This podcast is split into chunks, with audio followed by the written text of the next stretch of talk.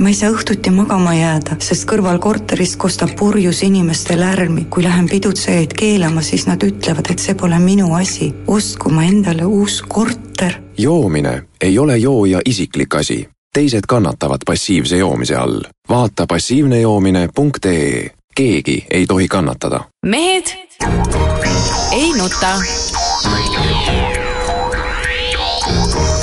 keegi kaotab ja keegi võidab, aga spordis mehed ei nuta.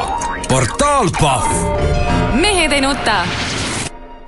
tere teisipäeva, Mehed ei nuta eetris, Peep Pahv Postimehest. tervist! Tarmo Paju Delfist. tervist! Jaan Martinson Delfist, Eesti Päevalehest ja igalt poolt.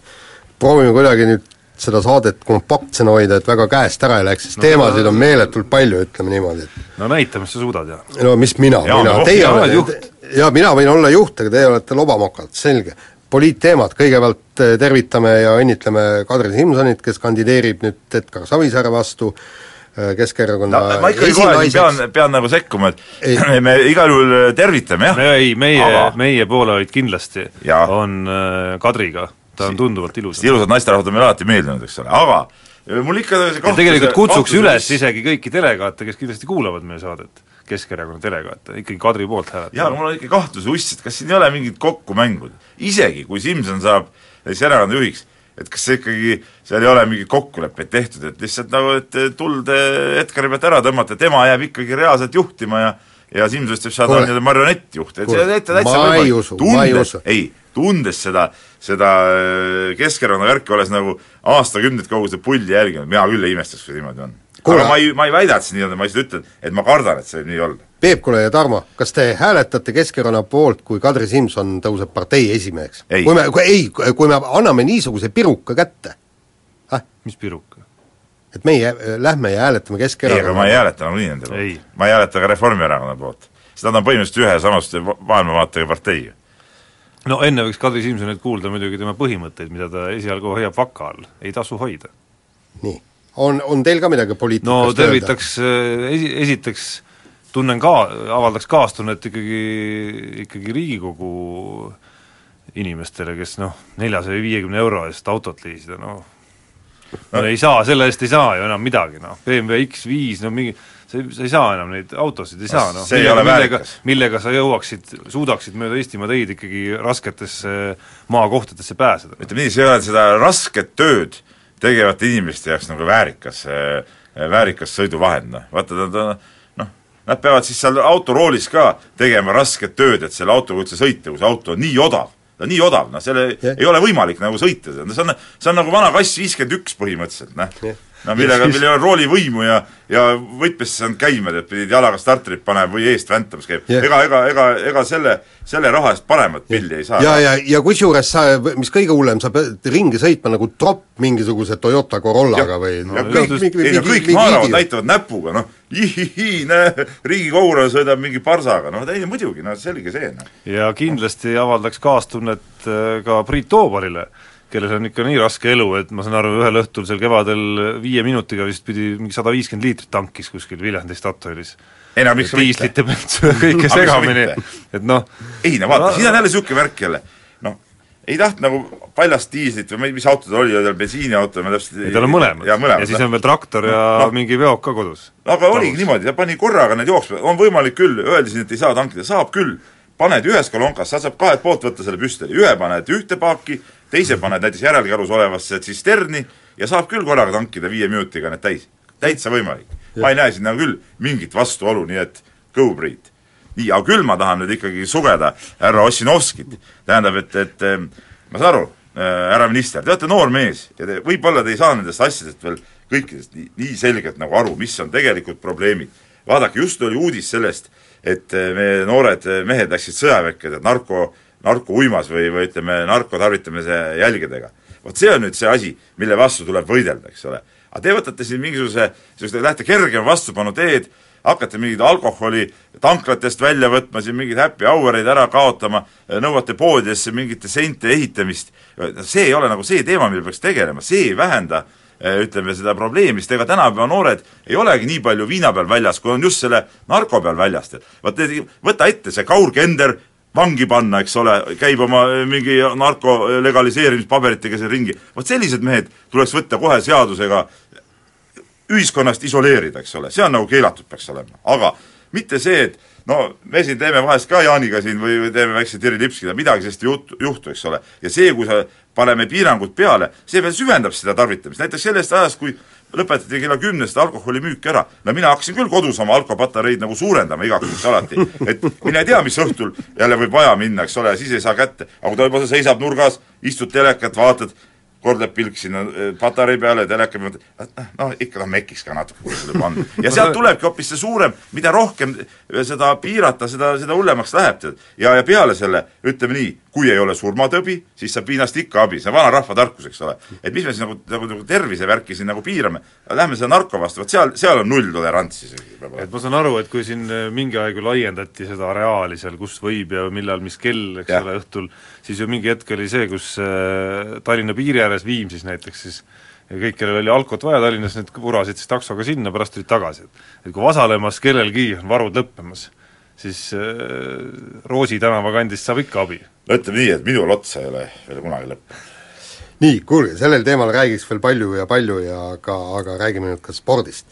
nii, äh, Eesti võrkpallikoondis lõpetas EM-i üheteistkümnenda kohaga, Serbialt saadi ikkagi üks kaheksandik äh, või üks kuueteistkümnendik finaalis või mis iganes finaalis saadi no, otsusta ära. ei, ei ega äh, jah no kaheksandik finaalis. kaheksandiku finaalis jah ja. ja., saadi kaks-kolm sugeda, nojah, tegelikult me ise, ise eile arutasime ka noor reporter Märt Roosnaga, et tegelikult oleks Eesti võinud selle mängu ikkagi Serbiaga võita. viimane viies game ikkagi, ise eksiti liiga palju, anti see mäng käest ära ja, ja vaadates meeste nägusid, nad ei olnud sugugi rõõmsad, et tegelikult läks turniir hästi, midagi nad olid pettunud. Serbia oli võidetav, Eesti oli võimeline kaheksa, kaheksa sekka tungima. ja see, see., ja see saavutus oleks olnud seda vägevam, et, et väga raske nagu tee kaudu oleks jõutud sel juhul sinna kaheksa hulka, et ei ole ei ole see, et sa nagu saad mingi soodsa alagrupi, saad seal näiteks isegi teise koha ja siis sealt kergema vastase, vaid vastupidi, et sul oli ikkagi hiilgav variant maailma absoluutse tipu vastu see mäng nagu ära võita, aga aga noh, eks, eks seal lõpuks tuli see võrkpalli, ma ei saa häda öelda, aga ütleme, see, miks võrkpallis seda, sellist üllatust on ikkagi nagu raskem teha, kui ma ei tea, näiteks võib-olla võib-olla mõnel muul alal, et noh, sa võtad isegi need kaks geimi ära, vastane on tulnud sind natukene mütsiga vist lööma aga sul on vaja nullist ikka see kolmas game ka kätte saada nagu midagi otseselt, et sa pead nullist saama, et Kossus sa saad kahekümnega ette ja ja siis on võimalik võib-olla kuidagi hoida seda, jalgpallis samas seisus, ma ei tea, kaks-null saad kuidagi tõmbad nagu kaitse peale kuidagi saad, aga seal on sul ikka nullist vaja ära võtta ja noh, iseenesest tunnustus muidugi, et, et neljandas ja viiendas ikka suudeti ka see neljas hakkas korraks nagu ära minema, et, et sealt suudeti ikkagi nagu tõusta veel. et, et ise, no minu arust selles, et kas oli edasiminek aastaga kaks tuhat üksteist, minu arust ei ole nagu küsimust, et kindlasti oli see parim Eesti võrkpallikoondise turniir, mida võrkpallikoondis on suutnud.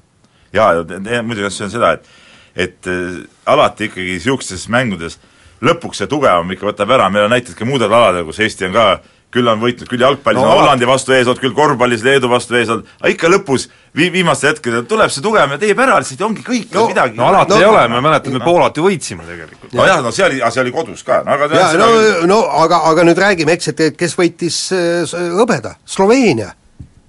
meeskond, kes mängis Euroopa liigat koos Eestiga, eks ta võitis küll selle Euroopa liiga ära ja kes ei olnud ka mitte kunagi EM-il võrkpallis kaheksa hulka tulnud, eks.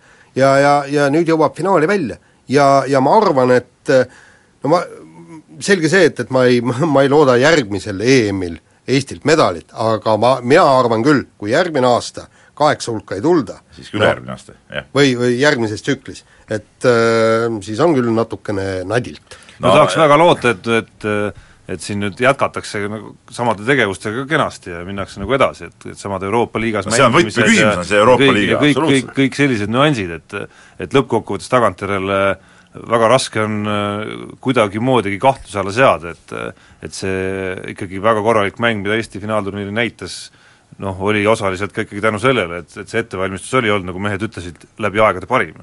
Nojah, ettevalmistus oligi parim tänu sellele, et suve läbi oli võistkond koos ja sai seda Euroopa liigat mängida, eks ole, et et, et see on, see on, see on võtmeasi ja, ja sealt ega ükski nendest ütleme, tipuvõistkondadest ei olegi selline, kes suvel mitte midagi ei tee, kõik nad mängivad kas maailmaliigat või Euroopa liigat, see on nagu elementaarne, et siin nagu, nagu ei ole mingit küsimustki.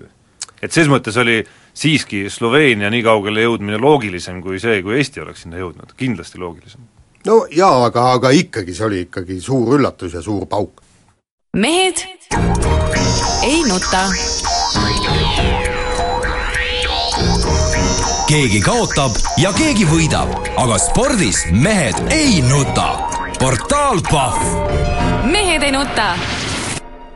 jätkame saadet kiire vahemänguga ja äh, Rannaliiv meelitab nii mõndagi. Kusti Nõlvak ja Mart Tiiser loobusid saalivõrkpallist ja asuvad nüüd täiega mängima rannavollet no mina näen siin, et küsimus on selles, et mehed lihtsalt ei taha seal äh, tolmuses ja, ja umbses saalis lihtsalt olla ja tund-, mõtlevadki, et äh, vabas õhus on lihtsalt mõnusam, mõnusam seda palli toksida. aga tegelikult ongi ju tege-. ei, absoluutselt, ma räägigi, noh, jah, loomulikult, noh. jah, no ütleme no mis, mis see muu põhjus saab olla siin? jah, ütleme niimoodi, et, et eks me siin äh, vahepeal arutasime ka, et, et üks asi on see, et, et nad panevad oma klubi nüüd löögi alla, kui kui meeskonnast lahkuvad, eks, et no samas on kuidagi raske seda neile ette heita, et et noh, nad ei ole kuidagimoodi laulatatud sinna ja neil ei ole mingisuguseid äh, kohustusi, et nad peavad siis nagu loobuma oma unistustest selle nimel, et TTÜ klubi kuidagi püsiks seal järel. jaa, aga teisalt muidugi meil on vaja ühte head ja korralikku rannavolle paari, mäletame Kais Vesik, kui koos mängisid ja, ja igavest äge on ju vaadata, kui omad, omad joped seal äh, jah, nad päris tipus on, jah, jah. jah, me olümpial ju käisime kõik vaatamas mina olen käinud isegi ühe korra,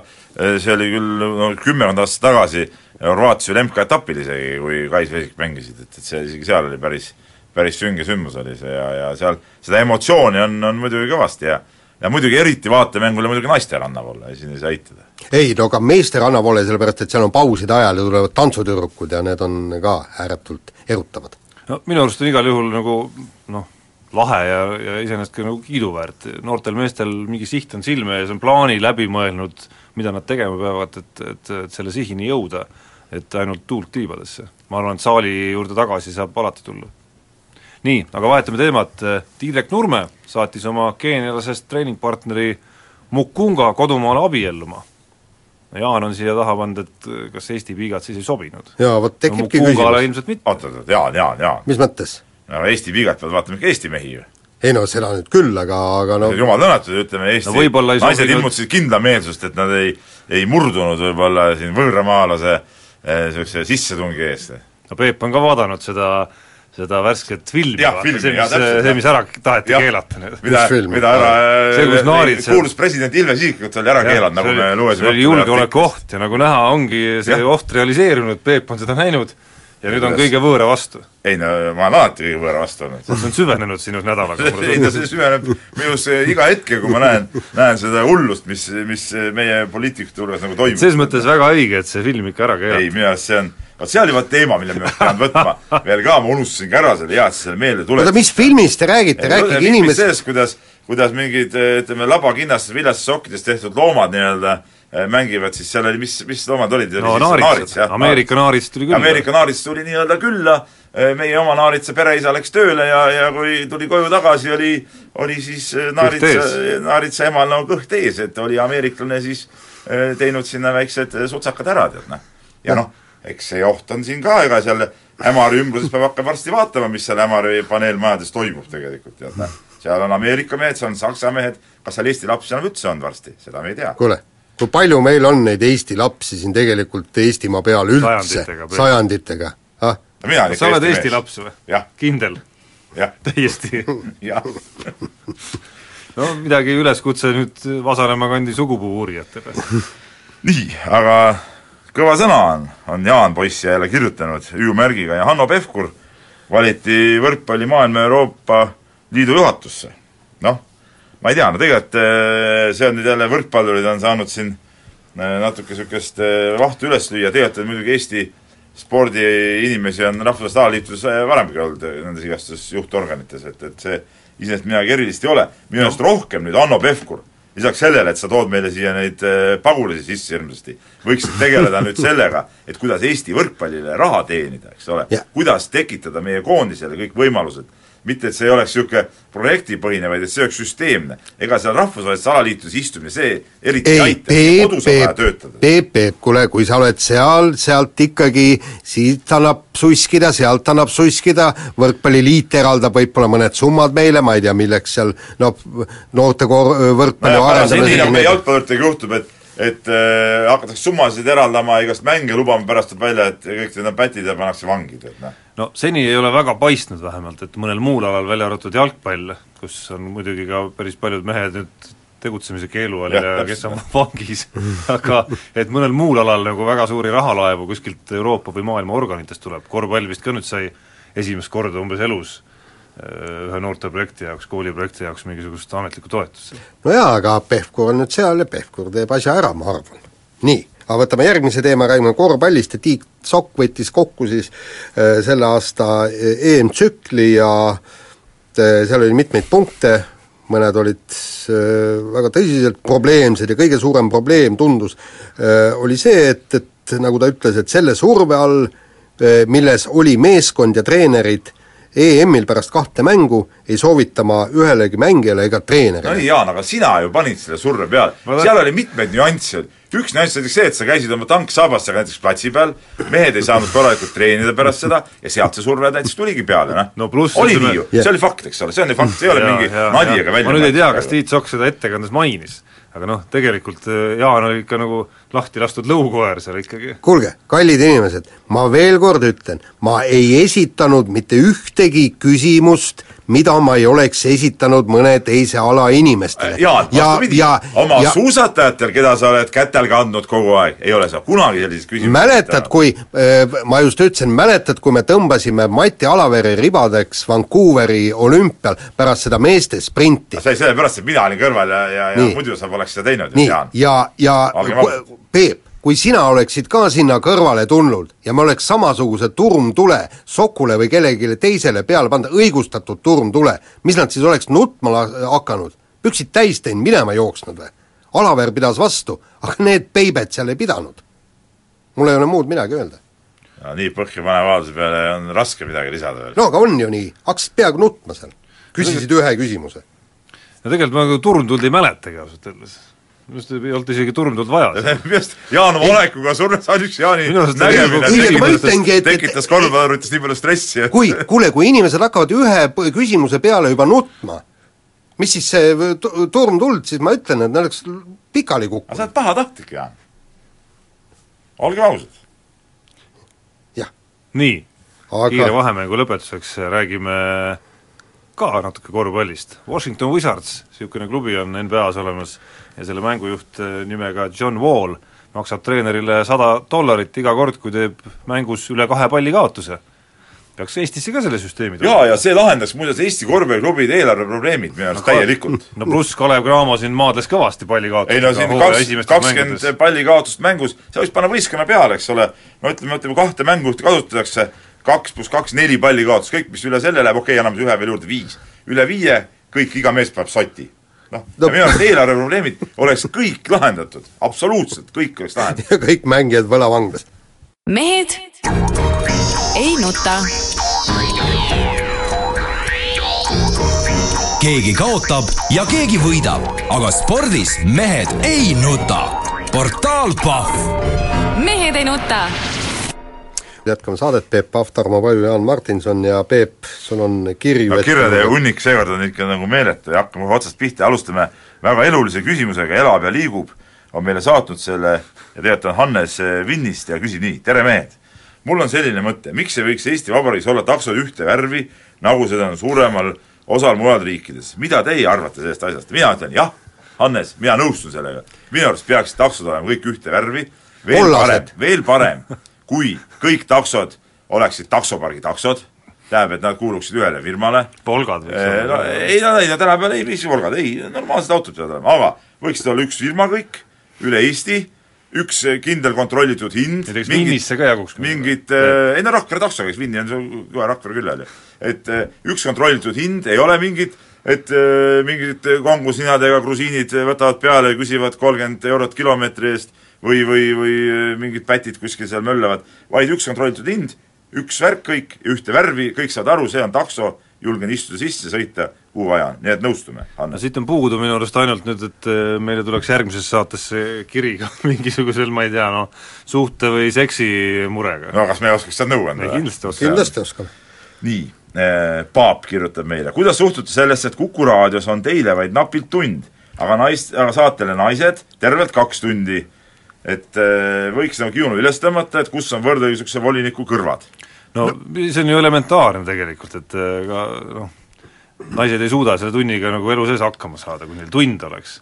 Neil on vaja oma suhtejuttu rääkida, kõiki neid asju, enne magama minekut kindlasti loomulikult on vaja seal on see, et vaata naiste jutt, ega nad kahe tunniga, kahe tunni jooksul, mis need naised räägivad, on sisu ju võib-olla kahe minuti jagu tegelikult, olgem ausad. noh, ülejäänud kõik muu on ju see vaht, mis sinna juurde käib, ikka naisterahvaste jutu juures.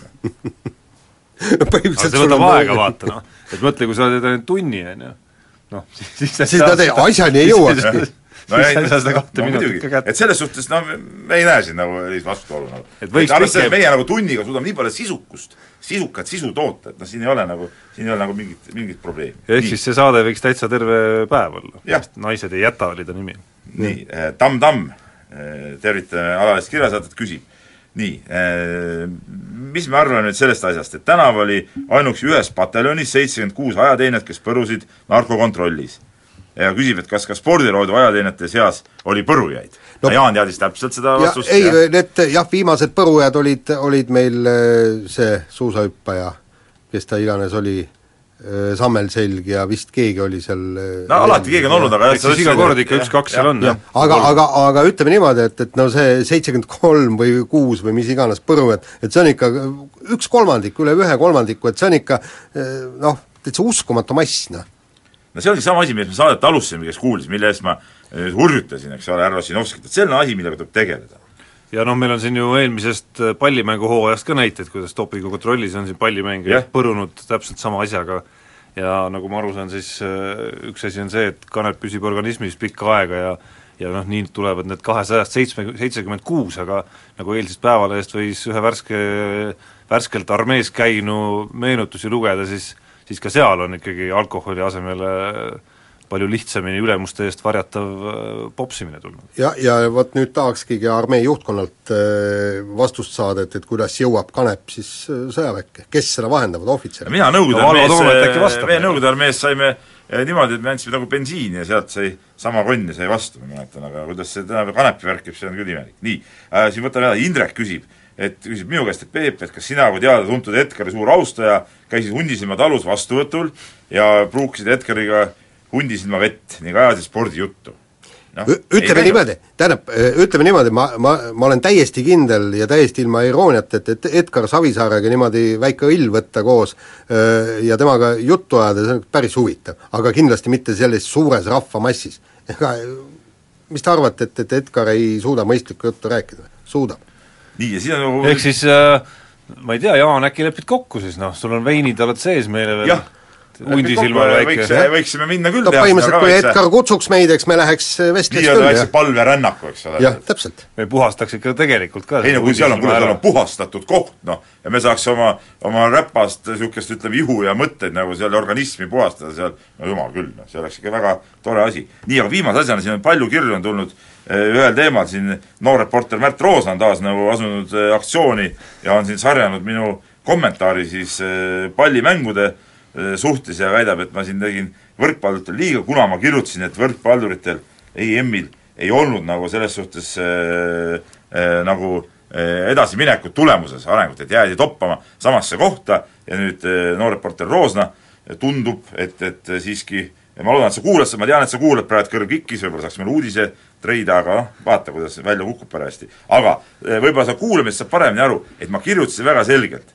lugeda võib-olla ei saa, ei oska nii hästi, eks ole, nii, et meeskond mänguliselt mängis paremini kui eh, varasemad korrad, aga sellest ei olnud kasu selles suhtes, et turniir lõppes meil ikka samas faasis, kus eh, kahe tuhande üheteistkümnendal aastal.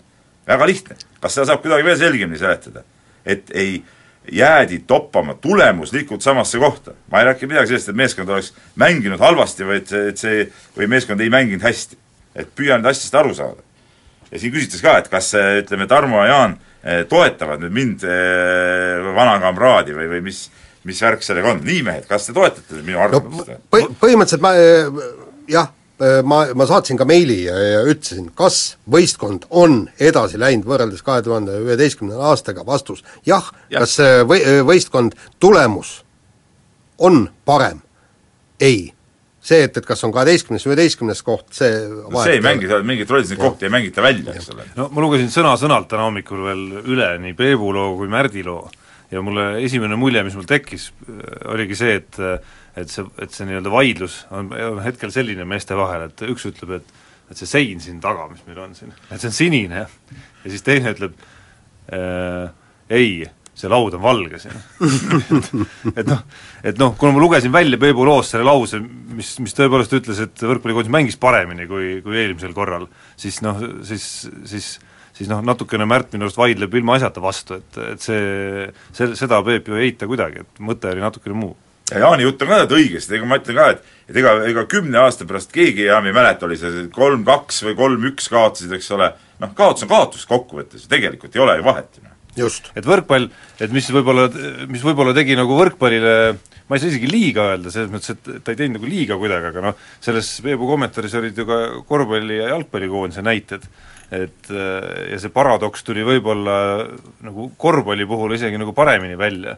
et tõepoolest, et see emotsioon, mida nüüd pakuti, oli, oli nagu päris suur võrreldes sellega, mis toimus kaks tuhat üks näiteks. aga kui nagu tulemustele otsa vaadata, siis kaks tuhat üks tegelikult Eesti koondis oli oluliselt kõrgem, et praegu, praegu oli nagu Eesti mängutase parem ja noh, ja keegi nagu ei eita ka, igaühel oli selge, et Eesti koondis mängis ka paremini. noh. jah, aga noh, paraku asjad on nii nii, räägime nüüd teemadest ka natukene, räägime kergejõustikust ja, ja Peep, Peep ja siis ka Õhtuleht kirjutasid siis artikli, kuidas mõned kergejõustiklased leiavad, et EOK poolt neile eraldatud rahast osa võtab Eesti Kergejõustikuliit ära, ehk siis paneb nii, nii-öelda tuuri. Ja kuidas Peep siis sellega nüüd täpselt ei no selles suhtes, ega nad, no mitte nad ei leia seda, vaid see asi ongi nii, aga ma ei, ma ei saa kasutada väljendit, paneb tuuri, et et see süsteem on, Kergejõustikuliidul on tükk aega olnud ja, ja, ja seda ka teab olümpiakomitee, et nendel on oma süsteem seal ja, ja ja kõik, kõik teavad seda, et, et okei okay,, eraldatakse mingi konkreetne summa iga sportlase kohta alaliidule olümpiakomitee poolt, aga ütleme, seda täit summat siis sportlase kätte ei anta, osa pannakse üks ühtsesse potti, kus siis tasutakse igast meditsiinikulud, võistluste lähetused, seal mingid treeningvärgid, kõik, kõik, kõik lähevad sealt ühisest kattest, et, et see, et sportlane seda täit summat kätte ei saa ja, ja no see on kahe otsaga asi, ma mõistan ka neid sportlasi, kes nagu nurisevad selle üle, aga teisalt äh, rääkisin ka palju nende sportlastega, kes olid nagu rahul sellega süsteemiga ja ütlesid, et, et noh, et et, et me kõik oleme kunagi sellest kattast oma kasu saanud, kui meil ei ole normi täis olnud ja, ja oma toetusi saanud, et et, et selles suhtes midagi kokkuvõttes, midagi hullu seal ma arvan, tegelikult ei ole, et see on võib-olla natuke noh, Risto Mätas siin selle avastas, ega Risto Mätas on nagu väga tark inimene ja aga ma arvan, et ta lihtsalt ka võib-olla kuidagi no sattus hetke segadusse, kui ta vaatas, et oi-oi, et nii palju raha jääb mul tegelikult saamata. aga kui ta nüüd rahulikult järgi mõtleb, siis ta võib-olla saab isegi aru, et et, et noh, tegelikult see süsteem on toiminud ja, ja, ja toimib samamoodi ka edasi ja ja, ja ma arvan, et see on õige. tead, suusatajatel oli ka omal ajal sama, sama süsteem. aga vot jah, ma tahtsingi selleni jõuda, suusatajate süsteem oli väga selge, kõik sportlased kirjutasid alla lepingu et, et viisteist protsenti nende saadud sponsorrahadest läheb Suusaliidule noorte töö arendamiseks. Aga seda räägiti enne ja see oli allkirjastatud leping ja kui te mäletate, siis Kristiina Smigun hoidis seda lepingut kinni, sest äh, Suusaliit esialgu, ta ei näidanud, kuhu ta selle raha paneb. nii, ja ta ütles, okei okay,, ma olen nõus seda raha andma, ma tahan täpselt teada, kuhu see raha läheb. kui ta läheb kontori ülalpidamiseks, ma ei ole sellega nõus, kui ta läheb noorte suusatajate arendamiseks, ma olen sellega nõus. ja ma arvan, et Kergejõustikuliit võiks ka teha täpselt sarnase lepingu, sportlased kirjutavad alla, tüüpleping, mitte midagi ei äh,, asja äh, probleemi ei ole ja, ja lihtsalt asi on õiguslik ja kõik sportlased on rahul. no kommunikatsiooniprobleem see oli, ma kirjutasin ka selles loos ka, et see oli nagu alaliidu niisugune võib-olla ainuke ämber selle asja juures, et seal ei olnud nagu hästi asjad läbi räägitud ja selgeks tehtud. Et see, see mure on ja seda möönis ka äh, muuseas Erik Teigamägi, alaliidu president, et, et, et, et peab suhtlema, ta ütles, et kindlasti ka nüüd suheldakse kõigi need asjad üle, et nagu lihtsalt lasti korraks asi nagu kärakaks minna. aga kas lõpuks ei ole ikkagi, ei taandu asi sellele, et see katel peab suurem olema? no seda kindlasti, aga noh, eks see sponsorite leidmine, ega see sponsorite raha läheb ka sinna katlasse veel. et see kate peab suur olema, aga ala on ka suur, olgem ausad. ala on suur ja neid sportlasi, keda on tarvis sealt katlast toetada, kui EM-il, nendel on seal EM-i, MM-i toetus, on, see on väga niisugused süsteemid neil oma, kui EM-il on seal mingi, ma ei tea, ligi kolmkümmend sportlast Eestist, siis see, ega see, see pott ja seltskond ongi väga suur tegelikult. ja seda, ja seda toetust ju, ega need kolmkümmend sportlast, see EOK toetust, eks ole, see ongi ja. see, mis tuleb siit ühisest katlast kõik. aga, aga siin ongi minul järgmine küsimus, kui meil raha on vähe, kas me peame kõiki siis toetama öö, võrdselt, kas meil on ei, vaja ei toeta võrdselt ju ei no jaa, aga kas meil on vaja kõiki toetada, ka, ka neid, kes, kes seal EM-idel ja, ja kus iganes viimastel kohtadel löntsivad? kas nad on tippsportlased, kas nad väärivad toetust? noh ja teine aga on ikkagi see, et, et kui, kui see... nad on noored, siis küll, jah. ja noh, teine aga on ikkagi see, et kui see nii-öelda see väga kitsas toetus, see olümpiaeelne toetus, mis tuleb EOK-lt ikkagi nagu väga sihtotstarbeliselt ikkagi, et kui, kui selle nagu ühte potti panemine ikkagi reaalselt mõnel sportlasel noh, ei lase mingit plaane nagu ellu viia, siis seal mingi probleem ikkagi peitub. ei no, no mis mõttes ei lase plaane ellu viia, et, et jutt käib, ega siis see on äh, see, see raha, millest nüüd sa räägid, see olümpialine toetus, see näiteks hakkas maksma üldse ainult siis ju, kui sa oled olümpianormi täitnud. no just, jah no., aga sealt maalt. seda enam. aga enne seda sa oled ju saanud ju, ju sellest ühisest potist kõiki neid teenuseid juba ju tarbida. oled saanud oma meditsiiniteenused, massaažid, treeningtoetused, asjad, sa oled kõik ju need kätte saanud ka enne seda, kui sa normi täitsid, noh just, aga noh, see ongi alaliidu ülesanne hoolitseda selle eest. ei no seda muidugi, ei no ma räägin, nende süsteem ongi kogu aeg selline olnud, noh et, et, et ka normitäitjad tekiks üldse. aga ütleme, see normitäitmise järele antav toetus ikkagi noh, võiks võib-olla olla ikkagi selleks, et see sportlane nüüd saaks tõesti nagu, ei peaks mõtlema enam mitte millelegi muule. Noh.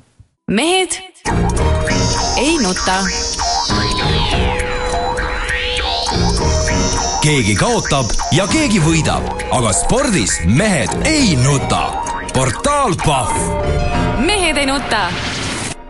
asume viimase saate teema kallale ja siin on püstitatud küsimus, et kas meie noored korvpallurid vanuses neliteist, viisteist, kuusteist peaksid õnne otsima väljamaal, ehk siis minema nii-öelda välisklubidesse, noortesüsteemidesse mängima ja treenima, meil on juba kolmteist tegelikult on neliteist äh, noort on äh, seda, sedaviisi juba väljamaale läinud ja teatavasti, kuuldavasti on, on minejaid veelgi, et et ja, ja neid, kes tahaks minna, aga kes paraku ei saa, nad on noh, ütleme niimoodi, nad ei vea välja, et, et neid on veelgi rohkem, et, et kui, kui tegelikult anda nagu vabadust, siis ma kujutan ette, kakskümmend, kakskümmend viis meie potentsiaalsemat korvpallurit oleks väljamaal. Peep on see õige? ma lugesin su artiklit, Jaan, sa natuke jäid muidugi üheõlbaliseks ja, ja, ja selles suhtes, et sa kasutasid natuke liiga vähe neid äh, inimesi, kes sel teemal räägiksid ka. et sellest sai Aivo Erkmaga rääkida ja ma võtan Aivo ees muidugi mütsi maha, ta on kõvasti möllanud selle asjaga ja, ja ta teeb, teeb ka head asja oma nende laagrite, millest sa kirjutasid seal, olen ise käinud vaatamas neid laagreid, need on tõesti vägevad ja sealt äh, kuskile saada, see kõik on, on tore, samas äh, ma ei ole seda meelt, et peaks iga hinna eest ükspuha kuhu, kas või Itaalia kolmandasse või neljandasse liigasse või teise liigasse, vägisi selle poisi saatma. siin on nüüd see küsimus, muidugi see on, see on, me oleme rääkinud Tarmoga varem ka seda Eesti klubide asja, sa tõid seal välja, et see Mitt, Arnold Mitt, et ta treenib selle äh, Reggio Emilia Reggio Emilia põhimeeskonna juures, eks ole, hommikuti. et äh, kas see on nüüd siis see äh, point, mille pärast sinna äh, Itaaliasse minna, et siin on ikka küsimus nagu Eesti klubidele ka, miks näiteks sama, võtame Tartu Rock, noh, ma ei tea, ma, ma tunnistan ausalt, ma ei ole praegu küsinud näiteks Gerd Kullamäe käest, mitu noort eh, temal käib seal näiteks hommikuses äh, trennis, ma olen näinud nüüd vähemalt viimati seal kuskil karikamängus või oli see meistriliiga mäng Audentesega, see üks üheksakümmend üheksa poiss oli koondises, eks ole, või mitte koondises, vaid koosseisus tal. palju nad seal koos treeninud, kui need võimalused on Eestis ka olemas, kui sul on sellised äh, püramiidklubid iseenesest, eks ole siis äh, saab sellesama töö ju siin Eestis kõik no, ära meil ei ole ju. ei, oota nüüd.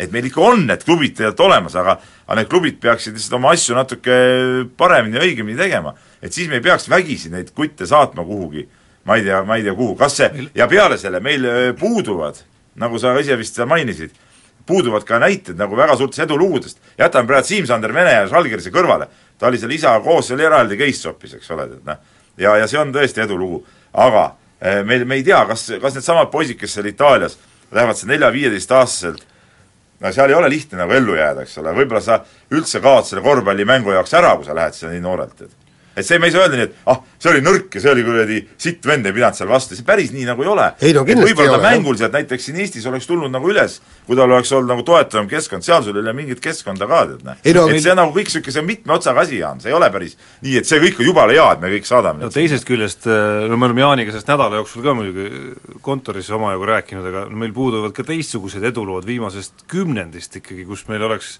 kerkinud, on ta siis Tartu piirkonnast, ükskõik kust, Ida-Virumaalt või Tallinna kandist ja oleks nii-öelda läbi Kalev Cramo või Tartu Ülikool Rocki kuidagi nagu süsteemselt kerkinud esile, noh niimoodi, et algul on pingi otsa peal, treenib seal kuskil natukene hommikuti ainult, mängib seal, kus parasjagu tema tase nagu paras on, siis ühel hetkel saab natukene rohkem mänguaega ja siis mängib ennast päris mängumeheks, et meil puuduvad ka need edunäited, mis minu arust on natuke ka see, miks väga massiliselt on ikkagi minek välismaale hakanud toimuma. Et eks nii Rokk kui Kalev peavad ikkagi nagu endale ka otsa vaatama, et miks see nii on.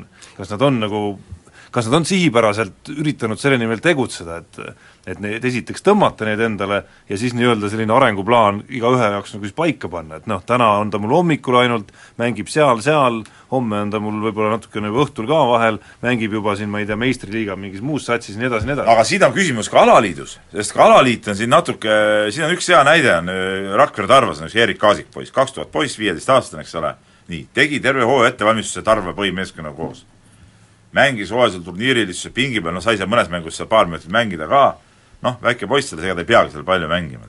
nii, nüüd korvpalliliidu reeglid äh, mu-, tegid sellise olukorda, et ta ei saa enam põhimeeskonna nii-öelda juures olla, jah, ta võib seal trenni teha vahest, aga näiteks meeskonnaga mingis nõrgemas mängus a la Audentese vastu ta ei saa me-, meeskonnas olla. sellepärast, et reeglid ei luba, kuna ta on U kuusteist poiss, mängib ka U kaheksateist, siis ta ei saa nagu meestes mängida, reeglite järgi, kuna üle kahe sarja ei tohi äh, poiss olla, tead, eks ole. et, et minu arust ikka korvpalliliit toobib kaikaid kodaratesse. see, selle niisuguse reegliga. et, et äh, see ei ole nagu noh, sinna nagu ikkagi on, on tarvis nende asjade peal nagu, nagu suuremalt vaadata, et, et Te- Te, see ei ole ainult klubide küsimus ka. Peep, ma arvan, et viie-seitsme aasta pärast asi selgub, sellepärast et sinna väljamaale minek on äh, toimunud, massiline minek on toimunud praegu. aga ma arvan, viie-seitsme aasta pärast ka klubid saavad siin targemad, ma näen, kuidas ma- see klubides see töö tegelikult paraneb ju noh, no saab näha. reaalselt.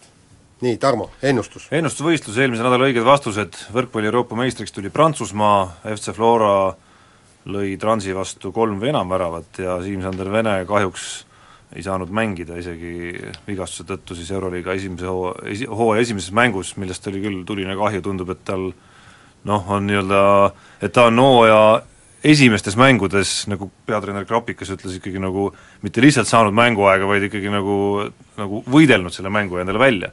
Neid, kes äh, said kõigile kolmele küsimusele õigesti pihta, meie veamekihla.ee ennustusmängus oli kaks seekord, ehk siis äh, Jaan paneme üks.